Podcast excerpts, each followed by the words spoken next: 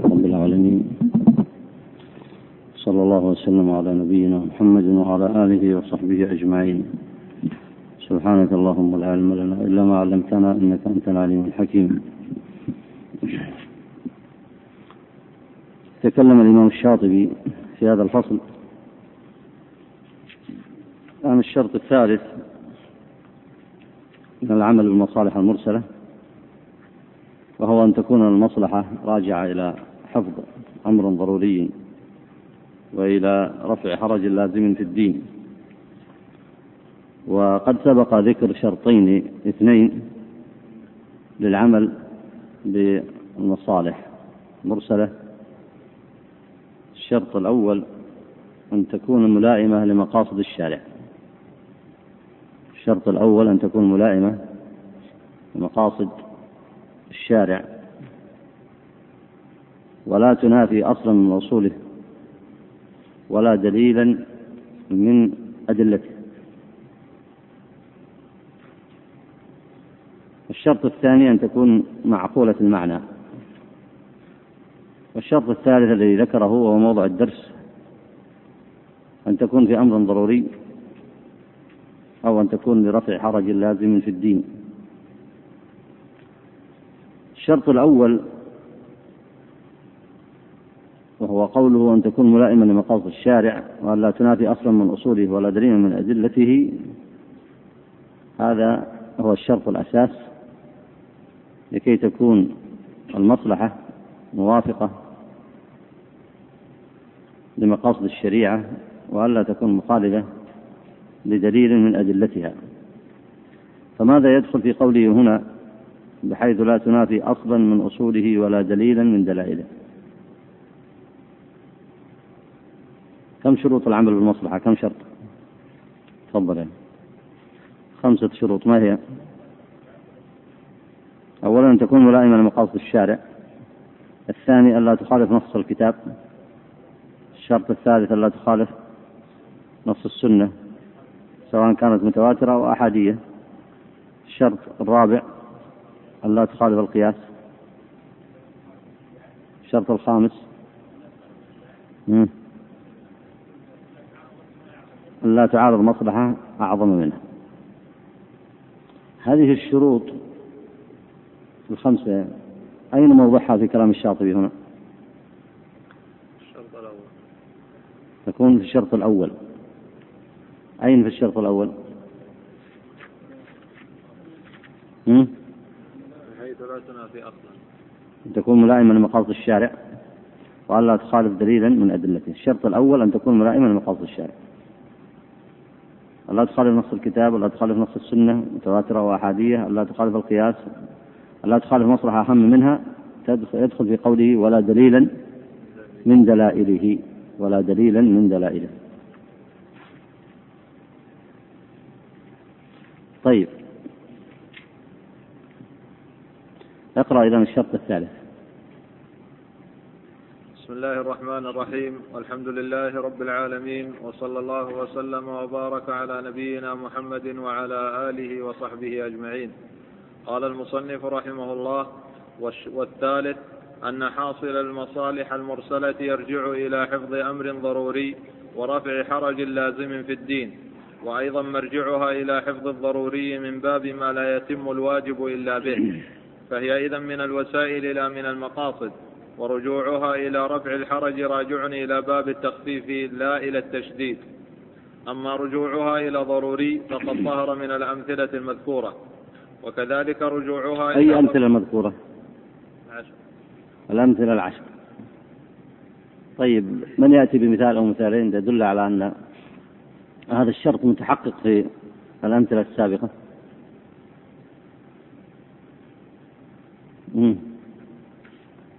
من الأمثلة السابقة كتابة القرآن. راجع إلى أمر ضروري أو لا؟ كتابة القرآن في مصحف واحد. راجع إلى حفظ أمر ضروري في الدين. ولا شك أن الأمور الخمسة هي حفظ الدين حفظ العرض حفظ العقل وحفظ النفس وحفظ المال هذه من الأمور الضرورية. معنى أنها من الأمور الضرورية أنه لا يستقيم لا تستقيم حياة قوم ولا يستقيم أمر مجتمع إلا بحفظها. فهي داخلة في الأمور الضرورية. فهنا كتب القرآن وجمعه متعلق بمسألة ضرورية في الدين ألا وهي حفظ الدين وحفظ أعظم شيء فيه وهو القرآن. هذه المصلحة الصحابة نظروا في هذه المصلحة ففهموا أن الشرع يقصد إليها وأنها لا تنافي أصلا من أصوله ولا دليلا من دلائله. فالمقتضى الأدلة أيضا العامة الأمر بحفظه ومن حفظه كتابته. من حفظه كتابته. إنا نحن نزلنا الذكر وإنا له لحافظون.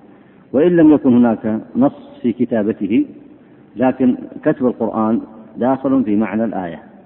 داخل في معنى الآية. فهذا راجع إلى حفظ أمر ضروري.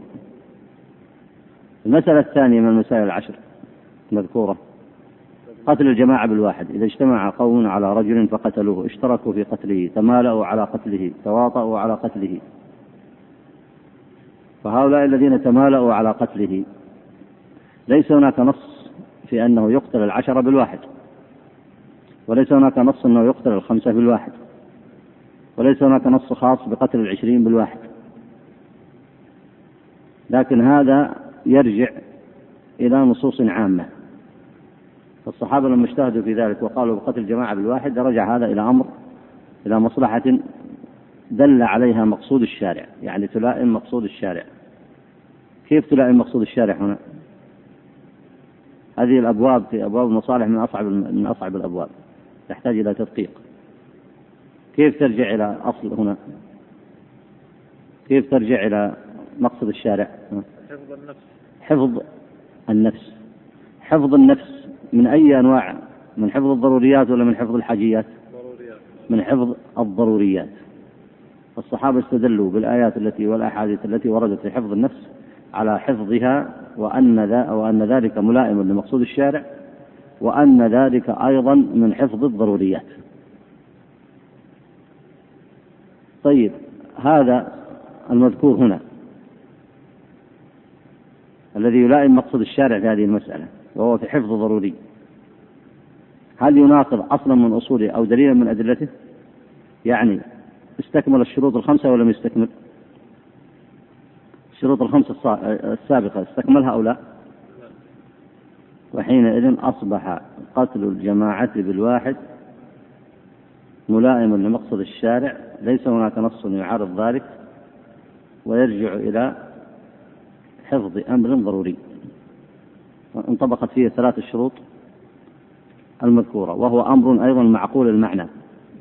ما هو المعنى المعقول فيه هنا؟ حفظ النفس. المعنى المعقول أي المعنى فيه بين واضح وهو حفظ النفس وأنه لو ترك قتل الجماعة بالواحد لانخرم أصل القصاص. يعني لا تقوم الحياة بين الناس. يعني يصير شرع, شرع القصاص لا فائدة فيه لو, لو لم يقتل الجماعة بالواحد. إذا لاحظتم الآن في كل مسألة من المسائل ممكن تطبيق الشروط الثلاثة. ممكن تطبيق الشروط الثلاثة اللي ذكرها في صفحة 600 ذكر شرطين منها صفحة 657 الشرط الأول الملائمة الملائمة لمقاصد الشرع بحيث لا تنافي أصلا من أصوله ولا دليلا من أدلته. هنا ضع خط تحت ولا دليل من أدلته هنا تذكر الشروط الخمسة. الشروط الخمسة.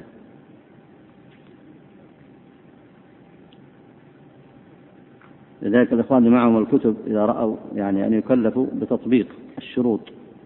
الثلاثة على الأمثلة العشرة. يعني تأتي بكل مثال تكتب عنوانه مثلا. المثال الأول. المثال الأول اللي هو جمع القرآن. تأتي بعدين المثال الثاني قتل الجماعة بالواحد. تأتي المثال الثالث الرابع الخامس. اللي سبق الكلام فيه في بعض الأمثلة سبق أن النصوص تدل عليها النصوص الخاصة تدل عليها. على أي حال تطبق الثلاثة الشروط على الأمثلة العشرة فما رأيكم؟ مم. يعني من استطاع أن يصنع هذا يعمل هذا في ولو في خمس صفحات أو عشر صفحات أو خمس صفحات ويطبق الشروط الثلاثة على ما ذكر من, من عن الصحابة رضوان الله عليهم من الفتوى في المسائل العشرة يعني تبين في كل مسألة كيف تحقق ملامة مقصد الشارع. كيف كيف أن المسألة تحققت فيها الشروط الخمسة. وهي أنها لا تنافي نص الكتاب لا تنافي نص السنة لا تخالف القياس لا لا لا, لا تقدم على مصلحة أعظم منها. ثم تبين كيف تكون معقولة المعنى. معقول المعنى أي تكون أن يكون المعنى فيها ظاهر أن يكون المعنى فيها ظاهرا معلوما. الشرط الثالث أن تكون في حفظ أمر ضروري وفي حفظ أمر وفي رفع حرج لازم في الدين. واضح المطلوب؟ يا إخوان بارك الله فيكم. واضح؟ فكل واحد يكتب الأمثلة العشرة ويطبق على كل مثال الشروط الثلاثة. طيب. طيب اقرأ بارك الله فيك. وكذلك رجوعها إلى رفع حرج اللازم وهو إما لاحق بالضروري وإما من الحاجي. وعلى كل تقدير فليس فيها ما يرجع إلى التقبيح والتزيين البتة. التقبيح والتزيين البتة هو أن يقبح العقل أمرا فيجعله قبيحا أو يزينه فيجعله حسنا بدون دليل. لكن هذه الاجتهادات المذكورة بنيت على الأدلة بنيت على الأدلة الشرعية. أي نعم. فإن جاء من ذلك شيء فإما من باب آخر لا منها كقيام رمضان في المساجد جماعة حسب ما تقدم وإما معدود من قبيل البدع التي أنكرها السلف الصالح كزخرفة المساجد والتثويب بالصلاة وهو من قبيل ما, ما يلائم. من قبيل ما لا يلائم. طيب إذا أردنا أن نطبق على الأمثلة هذه المذكورة. آه، العلماء في يكثرون من ذكر هذا المثال وهو قيام رمضان الاجتماع للصلاة في رمضان في المساجد جماعة. كيف تنطبق, تنطبق عليه الشروط؟ هل في هذا نص خاص أو ليس فيه نص خاص؟ في نص خاص وهو عمل النبي عليه الصلاة والسلام. في سنة عمل النبي عليه الصلاة والسلام حيث جمع الناس بالصلاة في رمضان جماعة. ثم تركهم بعد ذلك لكي لا تكون الصلاة واجبة في حقهم. ثم استمر الأمر عليها في عهد عمر بن الخطاب وجمع الناس على إمام واحد. جمع الناس في التراويح. جمع الناس في التراويح على إمام واحد. آه المثال الذي بعده زخرفة المساجد والتثويب بالصلاة زخرفة المساجد واضح هذا. ما معنى التثويب بالصلاة؟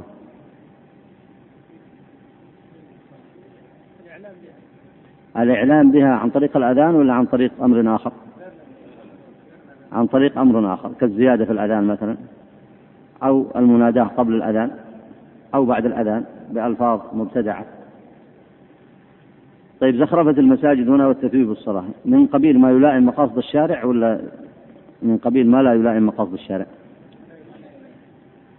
يعني ليس مقصود الشارع أن تزخرف المساجد وإنما مقصود الشارع أن تبنى المساجد لكي تكون بيوت لله يذكر الله فيها.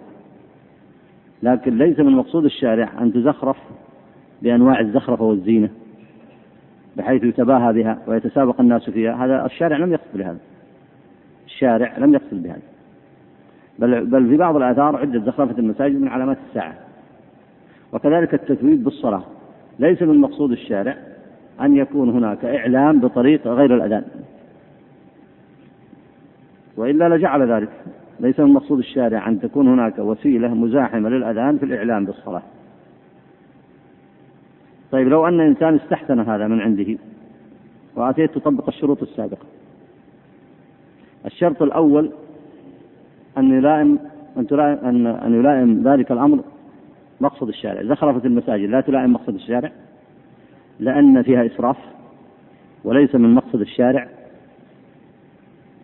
طلب أو السماح بمثل ذلك. الأمر الثاني أنها تلهي عن الصلاة ومقاصد الشارع تنافي ذلك. ثم أيضا أنها تخالف ما ورد من النص في النهي عن ذلك. فإذا جئت تطبق عليها الشروط المذكورة لا تنطبق عليها ومن ثم عدها العلماء من البدع المحدثات. أي نعم. وأما كونها في الضروري من وأما كونها في الضروري من قبيل الوسائل وما لا يتم الواجب إلا به إن نص على اشتراطه فهو شرط شرعي فلا مدخل له في هذا الباب لأن نص الشارع فيه قد كفانا مؤونة النظر فيه. أي أن أي مسألة يرد فيها نص من الشرع فالعمل حينئذ بالنص. لكن المسائل العشرة أكثرها لم يرد فيها نص خاص لم يرد فيها نص خاص وإلا لم يحتاج العلماء أن يذكر أن يدخلوها تحت الأدلة العامة. أي نعم. وإن لم ينص على اشتراطه فهو إما عقلي أو عادي. فلا يلزم أن يكون شرعيا كما أنه لا يلزم أن يكون على كيفية معلومة.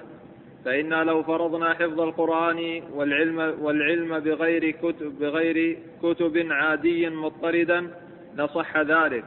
وكذلك سائر المصالح الضرورية يصح لنا حفظها.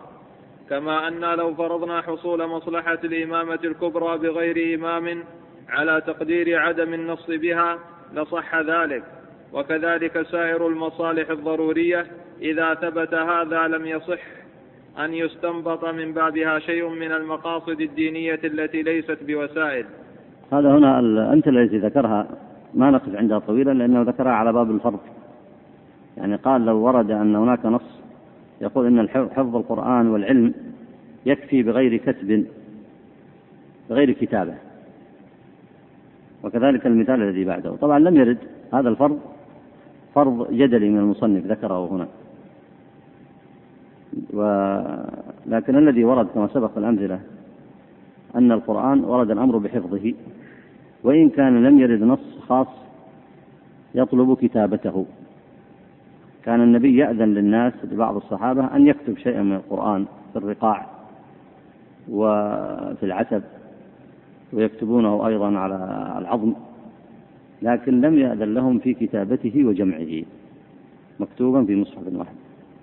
فبقي أن الصحابة بعد ذلك نظروا في الأدلة الأخرى التي تحفظ مقصود الشارع والتي تحفظ هذه المصلحة الضرورية. إيه نعم. وأما كونها في الحاجي من باب التخفيف فظاهر أيضا وهو أقوى في الدليل الرافع للحرج فليس فيه ما يدل على تشديد ولا زيادة تكليف. والأمثلة مبينة لهذا الأصل أيضا. آه الأمثلة كثيرة تدل على أن الشرع أراد رفع الحرج في الدين. يقول الله تعالى وما جعل عليكم في الدين من حرج. فرفع الحرج مقصد عظيم من مقاصد الشارع. رفع الحرج مقصد عظيم من مقاصد الشارع. وليس متعلقا بالأمور الضرورية فقط بل متعلق بما هو أدنى من ذلك سواء في أمر ضروري أو في أمر حاجي. رفع الحرج اللازم في الدين. لكن رفع الحرج اللازم في الدين تحقيق المصلحة الضرورية لا بد فيه من الشروط. لا بد فيه من الشروط السابقة لا بد فيه من الشروط السابقة. أي نعم.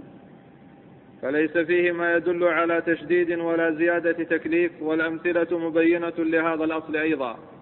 إذا تقررت هذه الشروط علم أن البدع كالمضادة للمصالح المرسلة. الآن الشروط ذكرها من قبل. يعني هذه الورقتين الآن تعتبر خلاصة لما ذكره المصنف. ذكر أن هناك شروط للعمل بما سماه العلماء المصالح المرسلة. إذا تحققت هذه الشروط المذكورة الشروط الخمسة السابقة إذا تحققت تلك الشروط فإننا نستطيع أن نقول أن تلك المصلحة مقصودة للشارع وأن على المكلف العمل بها. لكن يكون اعتمدنا على أي شيء؟ اعتمدنا على الأدلة الشرعية. على هذه القاعدة سيفرق المصنف بين البدع المحدثات واجتهادات العلماء في المسائل الجديدة في مسائل المسائل في المصالح. في المسائل التي بنوا الأدلة فيها على المصالح الشرعية. يفرق بين هذا وبين هذا. طيب. اقرأ بارك الله فيك. لأن موضوع المصالح المرسلة ما عقل معناه على التفصيل والتعبدات من حقيقتها لا يعقل معناها على التفصيل. هذا الفرق الأول الآن بين البدع وبين اجتهادات العلماء في المسائل الجديدة. من يستطيع يشرح الفرق هذا؟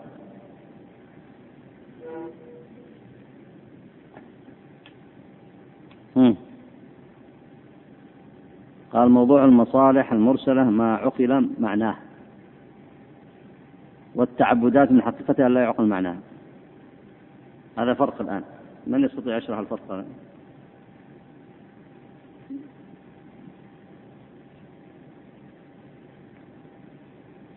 يعني إذا كانت المصلحة يعقل معناها بمعنى أنها تلائم الشرط الأول ما هو؟ تلائم مقصود الشارع. ويعقل معناها بحيث نعلم هل هناك نص يعارضها وينافيها أم لا. فإذا لم يكن كذلك قلنا أنها مصلحة شرعية تحققت لها الأدلة الشرعية. لكنها معقولة المعنى يعني مفهومة واضحة. البدع أكثرها يجري في التعبديات ولا في العاديات؟ على ما سبق معكم. في التعب... التعبديات ليش المصنف قدم بأنها لا يمكن إدراك العلل فيها؟ لماذا؟ حتى يقول إن الذين دخلوا فيها لم يدركوا العلل الشرعية لأن لا يمكن إدراكها. لا يمكن إدراك العلل الشرعية. فكيف تبني على ما يمكن إدراكه؟ كيف؟ يعني مثلا الآن في عدد الصلوات فيما يتعلق بالطهارات فيما ذكر في مسائل الحج في الصيام فيما ذكر في كثير من العبادات كيف تستطيع أن تأتي أنت وتزيد بدعة أو تحدث الدين أمر وأنت بانيه على شيء غير معقول المعنى؟ كيف وصلت له؟ كيف توصلت له؟ إنما يكون ذلك بالخرص والظن. إنما يكون ذلك بالخرص والظن. والعلم لا يكون علما إلا إذا بني على الدليل. أما إذا بني على الخرص والظن لا يكون علم. ولذلك سائر البدع لا تجدها مبنية على دليل. إما مبنية على أحاديث موضوعة وإما مبنية على أحاديث واهية. وإما مبنية على أحاديث ضعيفة. وإما مبنية على قصص واختراعات.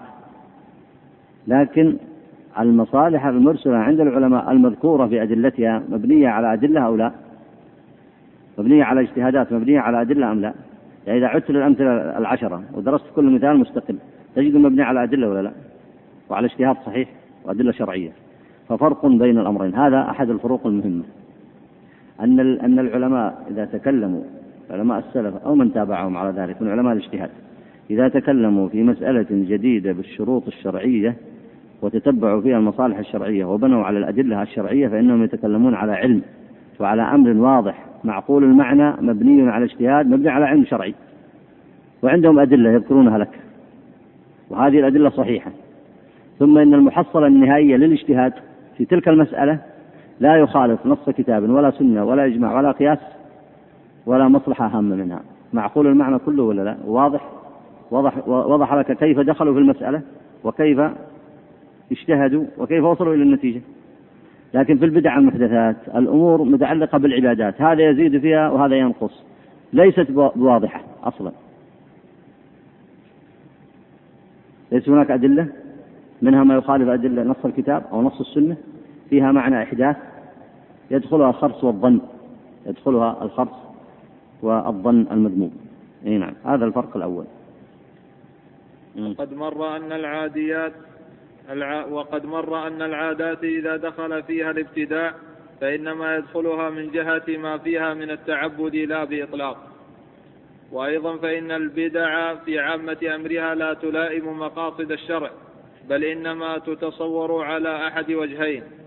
إما مناقضة لمقصوده كما تقدم في مسألة المفتي للملك بصيام شهرين متتابعين وإما مسكوتا عنها فيه كحرمان القاتل ومعاملته بنقيض مقصوده على تقدير عدم النص به وقد تقدم نقل الإجماع على اطراح القسمين وعدم اعتبارهما. هذه من الأمثلة التي ذكرها المصنف هنا أيضا ومن الفوارق أن البدع لا تلائم مقصد الشارع بل تناقضه. بل تناقضه. ومن تأمل البدع التي أحدثها الناس عرف أنها تناقض مقصد الشارع إما بالزيادة وإما بالنقص. وأصل المناقضة فيها أصل المناقضة فيها يرجع إلى أنها تشريع زائد.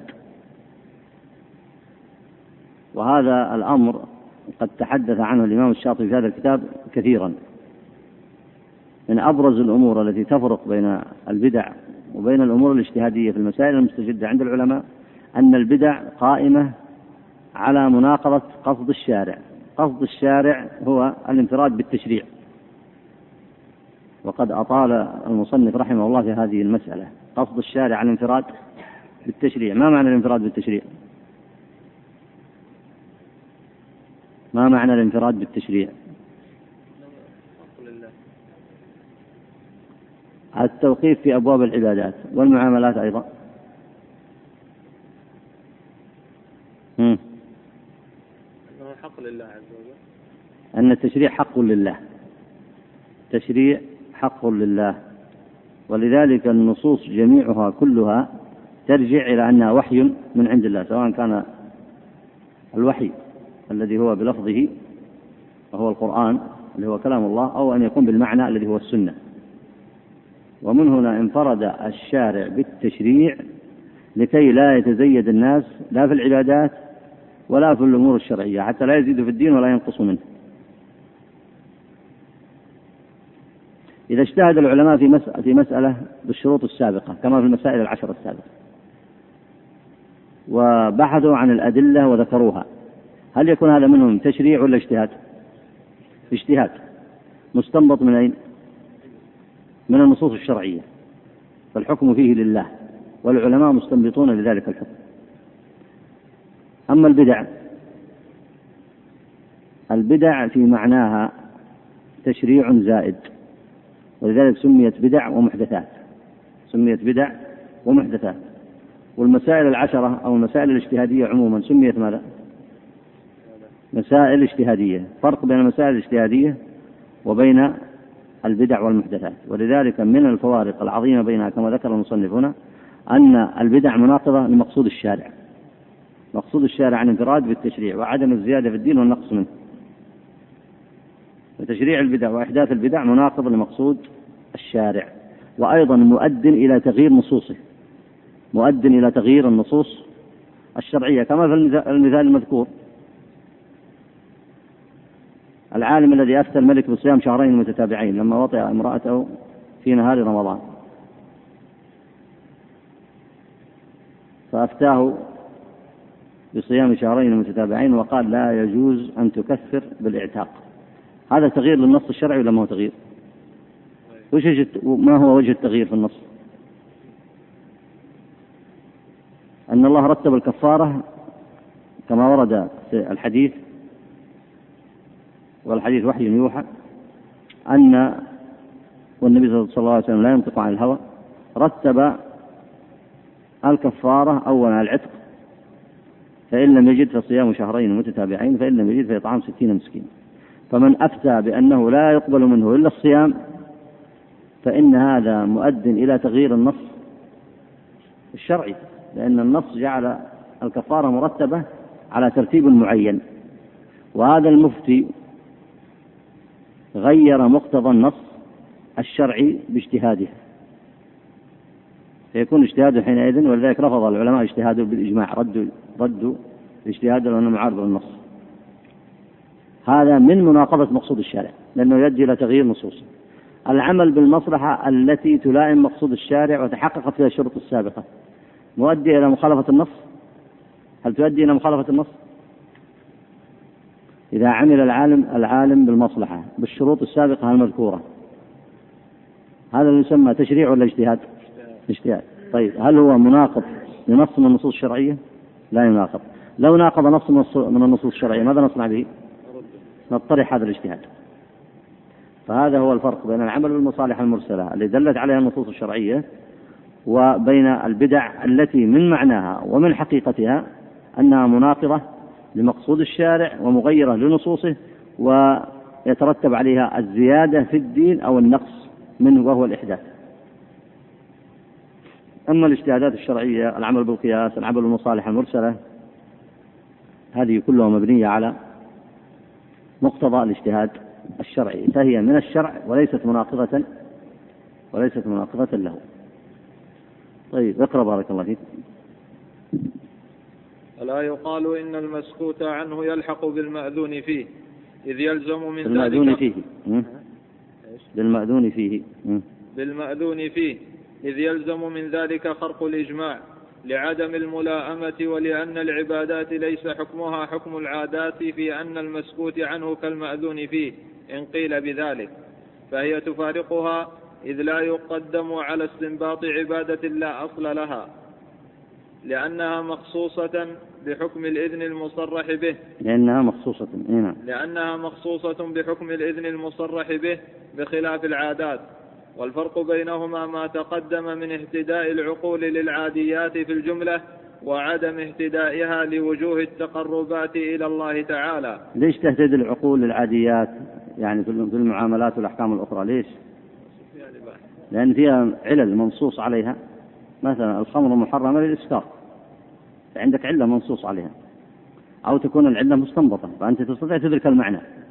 لكن ما تستطيع تدرك المعنى لماذا الظهر أربع ركعات وليس بثلاث؟ وليس باثنتين؟ فتستطيع تدرك في أمور المعاملات تستطيع تدرك المعنى. فيأتي العالم فيقيس على ذلك المعنى ما يتعلق بالمسائل الجديدة.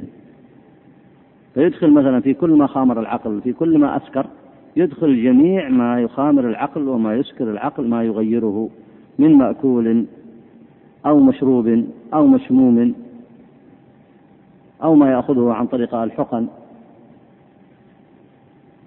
أو عن أي طريق آخر. يدخل في هذا جميعا. لكن في الأمور العبادية مثلا التي هي مبنية على معنى تعبدي محض كان يكون الصبح ركعتين. لماذا لا يكون الصبح أربع؟ ما تستطيع تدرك هذا. ما تستطيع تدرك هذا.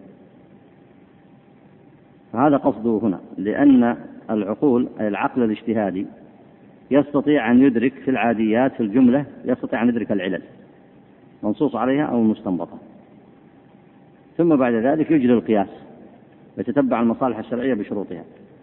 أما في الأمور الأخرى فلا يمكنه. قال هنا وقد أشير إلى هذا المعنى في كتاب الموافقات أي نعم. أه تأمل هذا النص من أوله فهو يعتبر خلاصة أيضا لما ذكره في أول هذا الفصل. أولا بالنسبة للعبادات المسكوت عنه يعني الذي لم يبين الله عز وجل لنا فيه شيئا ولا رسوله عليه الصلاة والسلام في أمور العبادات. هل يمكن الزيادة فيه؟ فما تستطيع تقول أنا كالمأذون فيه في أبواب المعاملات لا. لأن المسكوت عنه هنا لا يمكن أن يأتي أحد من المكلفين ولا من العلماء بزيادة شيء فيه. لأن سكوت الشارع عنه دليل على عدم رغبة الشارع في التشريع يعني عدم إرادته في التشريع في هذا. كذلك مثلا سكت عن صلاة سادسة ما يمكن تأتي بصلاة سادسة ما يمكن. فتقول هذا مسكوت عنه ويمكن أن نأتي بشيء لا. سكوته عنه دليل على أنه لا يأذن في الإتيان بسادسة وكذلك كون الصيام في رمضان هو الواجب فقط. لا واجب غيره إلا ما كان بالنذر. فسكوته عما سوى ذلك يدل على عدم الوجوب. فلا يمكن إيجاب الصيام غير شهر رمضان. وهكذا. وهذه قاعدة. قال إذ لا يقدم إذ لا يقدم أحد على استنباط عبادة لا أصل لها. ولذلك أي عبادة لا أصل لها باطلة بإجماع العلماء. والبدع المحدثات أكثرها يجري في أي نوع؟ في العبادات أو لا؟ وإنما رد العلماء تلك البدع لأنها لا أصل لها. رد العبادات العلماء تلك البدع لأنها لا أصل لها. لا يمكن الإتيان بأي عبادة من العبادات حتى ولو صغرت إذا كان لا أصل لها. كونه لا أصل لها يدل على أنها مردودة. طيب بالنسبة للاجتهادات المسائل الجديدة. مأذون في الاجتهاد فيها أم لا؟ مأذون في الاجتهاد هي. وأيضا الإذن هنا مشروط. مشروط بأي شيء؟ مشروط بأنه لا يعارض النصوص الشرعية. أن تكون فيها أدلة. أن تكون موافقا لمقاصد الشارع. أن لا يخالف القياس نص الكتاب. أن لا تخالف المصالح نص الكتاب نص السنة. لا تخالف القياس لأن القياس أقوى منها لا تخالف مصلحة أعظم منها. وهذا القيد ليس على المصالح فقط حتى على القياس كما سبق معكم. القياس إذا خالف نص الكتاب أو نص السنة يكون قياسا فاسدا مردودا. فالإذن في المعاملات الاجتهاد اللي في المعاملات المسائل الجديدة اللي يدرسها الآن علماء المسلمين ودرسوها من قبل ومن أمثلتها المسائل العشرة السابقة. وكل ما ذكر في الفقه الإسلامي وكل ما يجتهد فيه العلماء الآن في المسائل الجديدة مشروط بهذه الشروط. مأذون في الاجتهاد في أبواب المعاملات وعليه شروط. لماذا جعلت هذه الشروط؟ حتى يكون الحاكم في المسائل الجديدة هو الشرع. كيف تعرف أن الحاكم فيها هو الشرع؟ إذا ردت إلى الأحكام الشرعية واستدل عليها بالأدلة الشرعية سواء عن طريق نص الكتاب أو نص السنة أو القياس أو المصالح التي تعتمد على الأدلة الشرعية. فنعلم حينئذ أن هذا هو حكم الله فيها فنتبع ذلك الحكم تعبدا لله. فإذا الاجتهاد في أبواب المعاملات مأذون فيه بهذه الشروط المذكورة. فإذا فإذا أراد أحد أن يقيس في أمور العبادة التي لا أصل لها ويقول هو مسكوت فيها ونحن نريد أن نجتهد فيها ونقول هنا لا مجال للاجتهاد. المسكوت هنا فيه غير مأذون فيه مسكوت عنه غير المأذون فيه ولذلك من أحدث عبادة لا أصل لها فهي رد عليه بالإجماع. من أحدث عبادة لا أصل لها فهي رد وإذا قلنا لا أصل لها أي ليس لها أصل يدل عليها من الكتاب أو السنة. أي نعم. فإذا ثبت أن المصالح المرسلة ترجع إما إلى حفظ ضروري من باب الوسائل أو إلى التخفيف فلا يمكن إحداث البدع من جهتها ولا الزيادة في المندوبات. يعني لا يمكن لأحد أن يقول البدع المحدثات هذه عندي من المصالح المرسلة. وكل الفروق المذكورة تذكرها جواب هنا. إذا قال لك كذا قل أولا أن البدع تناقض مقصود الشرع. وأما المصالح الشرعية والأقيسة من باب الاجتهادات الشرعية بشروطها. تقول إن البدع واردة على المسكوت فيه في العبادات وأنشأت عبادات للزيادة أو النقصان وهذا أمر ممنوع منه بالإجماع. بخلاف الاجتهاد في الأمور في أمور المعاملات بشروطه الشرعية. كذلك هنا تجيب بهذا الجواب. قال هنا المصنف أن المصالح المرسلة بشروطها السابقة ترجع إلى حفظ أمر ضروري وفيها معنى التخفيف. والبدع أي شيء فيها معنى التخفيف ولا التشديد؟ التشديد والزيادة. فهي مناقضة لهذا. فمن أراد أن يجعل البدع من باب المصالح فقد أخطأ. من أراد يجعل البدع كما ذهب إلى ذلك كثير من أهل البدع أرادوا أن يجعلونها من باب المسائل الاجتهادية ومن باب المصالح المرسلة فقد أخطأ في ذلك. وكل الفروق اللي ذكرها المصنف تذكرها تصلح جوابا على هذه الشبهة. وأصلا المصنف كما سبق معكم إنما ذكر هذا الفصل ليجيب على هذه الشبهة. نعم لأن البدع من باب الوسائل لأنها متعبد بها بالفرض ولأنها زيادة في التكليف وهو مضاد للتخفيف. نعم البدع زيادة في التكليف. وهذه الزيادة مضادة للتخفيف. والمصالح المرسلة تحفظ أمر ضروري وترفع حرج لازم في الدين. لاحظ. ترفع الحرج. والبدع تأتي بماذا؟ بالحرج والزيادة. بدل ما تكون مناسبة الأعياد مثلا في عيدين للمسلمين جعلوها عشرات الأعياد. وبدل ما تكون مثلا في عيدين مخصوصين لعموم الأمة ليست مرتبطة بأشخاص. جعلوها مرتبطة بالأشخاص. ثم إذا جئت لهؤلاء الأشخاص جعلوها مرتبطة بالأشخاص في طبقات شتى منهم الأنبياء عليهم السلام ومنهم الأولياء ومنهم عموم آه، وغيرهم. فكل هذا من الحرج اللازم في الدين وهو من باب الزيادة والتشديد. وأصل المصالح المرسلة ترجع إلى أي شيء؟ لرفع الحرج اللازم في الدين. ولذلك كما سبق معكم في الدرس الماضي وهي مسألة تستحق الإعادة أن المسلمين في الأزمنة المتأخرة ارتكبوا خطأين كبيرين. في باب العبادات التي نهوا عن الإحداث فيها ماذا صنعوا؟ أحدث كثير منهم منهم فيها بالزيادة أو النقص. اتباعا للأحاديث الضعيفة والواهية والموضوعة والاجتهادات الفاسدة. وأصبحوا يحدثون من الأهواء والبدع ما لا حصر له. ولذلك كما ذكر الشاطبي في هذا الكتاب أن البدع لا تنحصر عند حد. سيالة يعني متدفقة. لأن ليس هناك ضابط عند أصحابها. من شاء أن يبتدع فليبتدع. هذا يبتدع مواسم عبادية. هذا يبتدع آه، صور من العبادات عند القبور. هذا يبتدع في إنشاء أحكام جديدة. والبدع تتجاوز أيضا كما ذكر في مسائل العبادات حتى في المعاملات كما سبق معكم أمثلة كثيرة. القوانين الوضعية المخالفة للشريعة كلها من الإبداع من الابتداع والإحداث في الدين لأن لا ترجع إلى أصول شرعية. وهكذا ما أحدثه الناس في هذا الباب. بالنسبة للأمور الجديدة والمعاملات والاجتهادات الواجب على المسلمين فيها الاجتهاد التجديد إدخال ما يتعلق بالمسائل الجديدة عند المسلمين التي طرأت عليهم مع اختلاف المجتمعات الصناعية ومع نظرتهم. ومع مخالطتهم للأمم الأخرى. هناك مسائل جديدة تحتاج إلى فتوى تحتاج إلى اجتهاد. قصروا في هذا الجانب. قصر أكثرهم في هذا الجانب. اللهم إلا قليل من العلماء الذين يتتبعون هذه المسائل ويفتون فيها. ففي أبواب العبادات أحدث كثير منهم البدع والمخالفات. مناقضة لمقصود الشارع. مقصود الشارع الكف عن الزيادة والنقص فأبوا إلا الزيادة والنقص والابتداع. والبدع في هذا الباب لا تنحصر بدليل ما كتبه العلماء من الكتب الكثيرة في البدع والتحذير منها.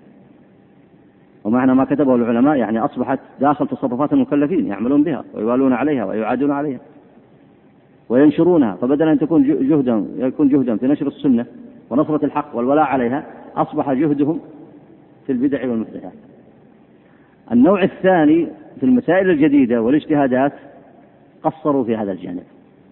فناقضوا مقصود الشارع في الأمرين. الأمر الأول الوقوف عندما حده الشارع وعدم إحداث الزيادة في العبادات أو إحداث النقص فيها. هذا ناقض مقصود الشارع فيه. الأمر الثاني في أمور الاجتهادية مقصود الشارع الاجتهاد. وإدخال المسائل الجديدة تحت أحكام الشريعة قصروا في ذلك الجانب. إي نعم. فحصل من هذا كله أن لا تعلق للمبتدع بباب المصالح المرسلة إلا القسم الملغي باتفاق العلماء وحسبك به متعلقا والله الموفق. قال هنا لا تعلق للمبتدع ولا للمبتدعة والمبتدعة لأن ما يصنعونه من باب المصالح المرسلة. لأن الذي أحدثوه قالوا إما أنه يحفظ لنا مصلحة دينية وإما أن يحفظ لنا مصلحة دنيوية. يعني أكثر البدع الآن اللي أحدثها الناس قالوا نحن نقصد من وراءها مصلحة دينية أو دنيوية. مصلحة دينية كتحبيب الناس للعبادات وجمعهم في المناسبات وغير ذلك.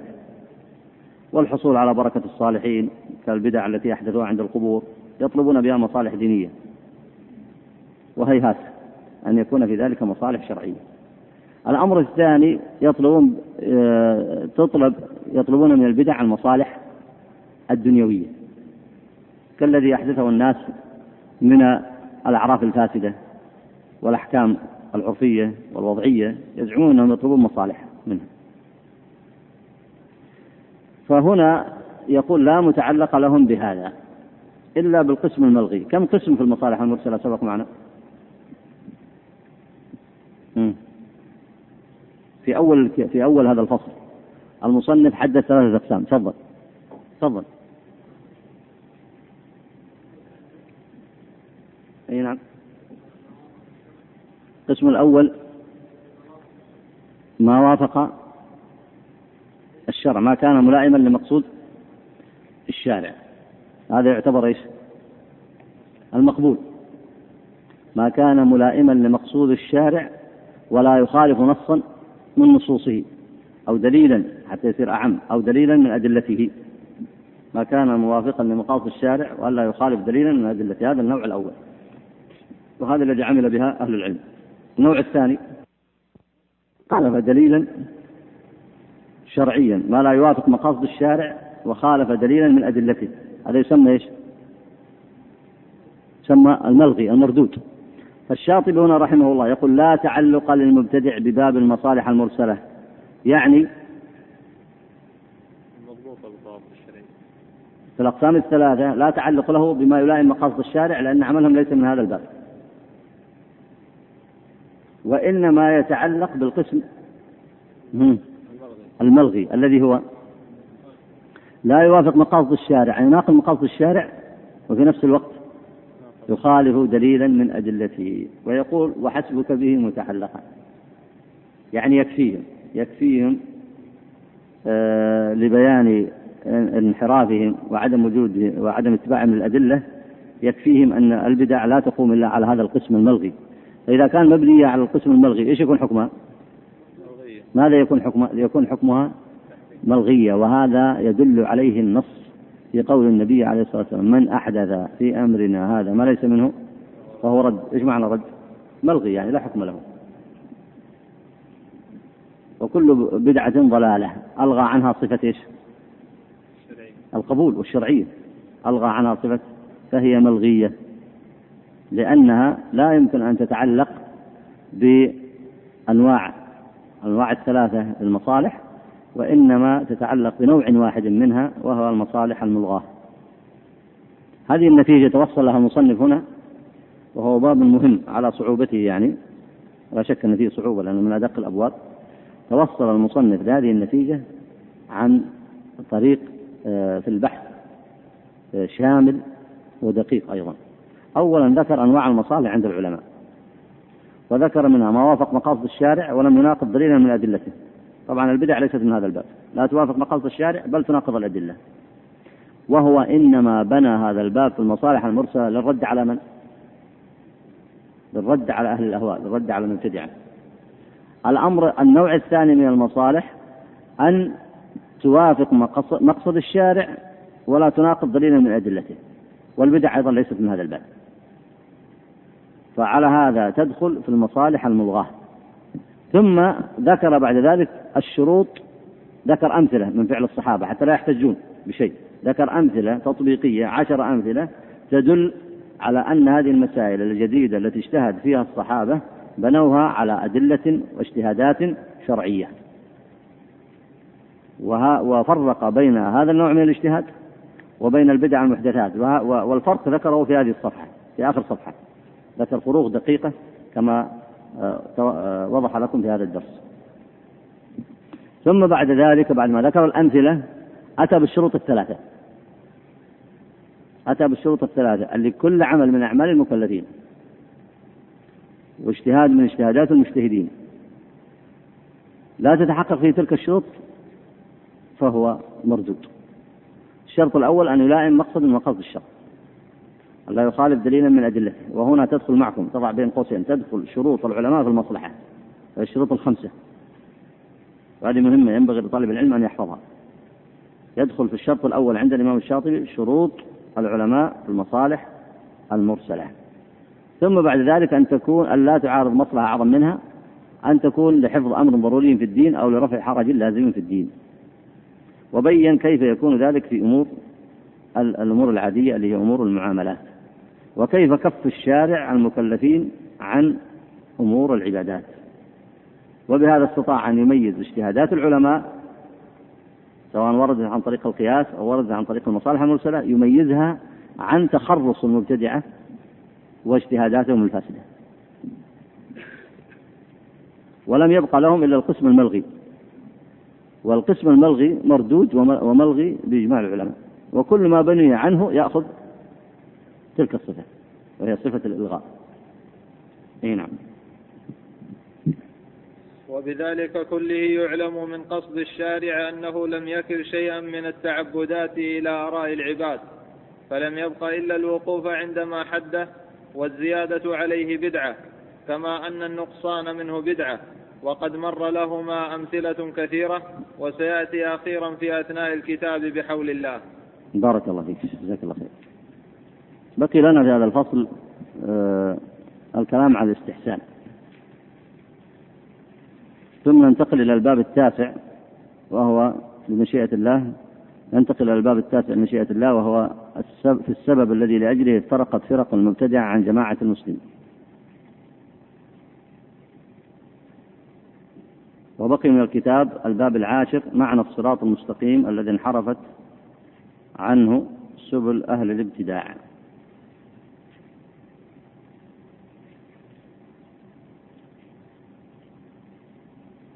موضوع الاستحسان تحبون تقرؤونه كامل من الكتاب؟ ولا نلخصه لكم. يعني هذا هو الفصل الوحيد الذي نستشيركم فيه. لأن في صعوبة جدا. كتاب فصل صعب جدا. هل تحبون ألخص لكم؟ أو تقرؤونه من الكتاب؟ لا ألخص لكم في درس أو درسين. ولا تقرؤونه.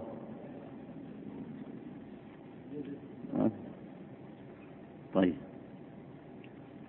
يصير بقي لكم في الكتاب إن شاء الله. بابان. الباب الأول في السبب الذي لاجله افترق فرقا مبتدعة. والباب الأخير لعلنا ننتهي على الأقل في هذه السنة بمشيئة الله من الباب التاسع. هذا وصلى الله وسلم على نبينا محمد وعلى آله وصحبه أجمعين. نعم استحسان إن شاء الله. هذا عاد إما قرأته عليكم أو أني لخصته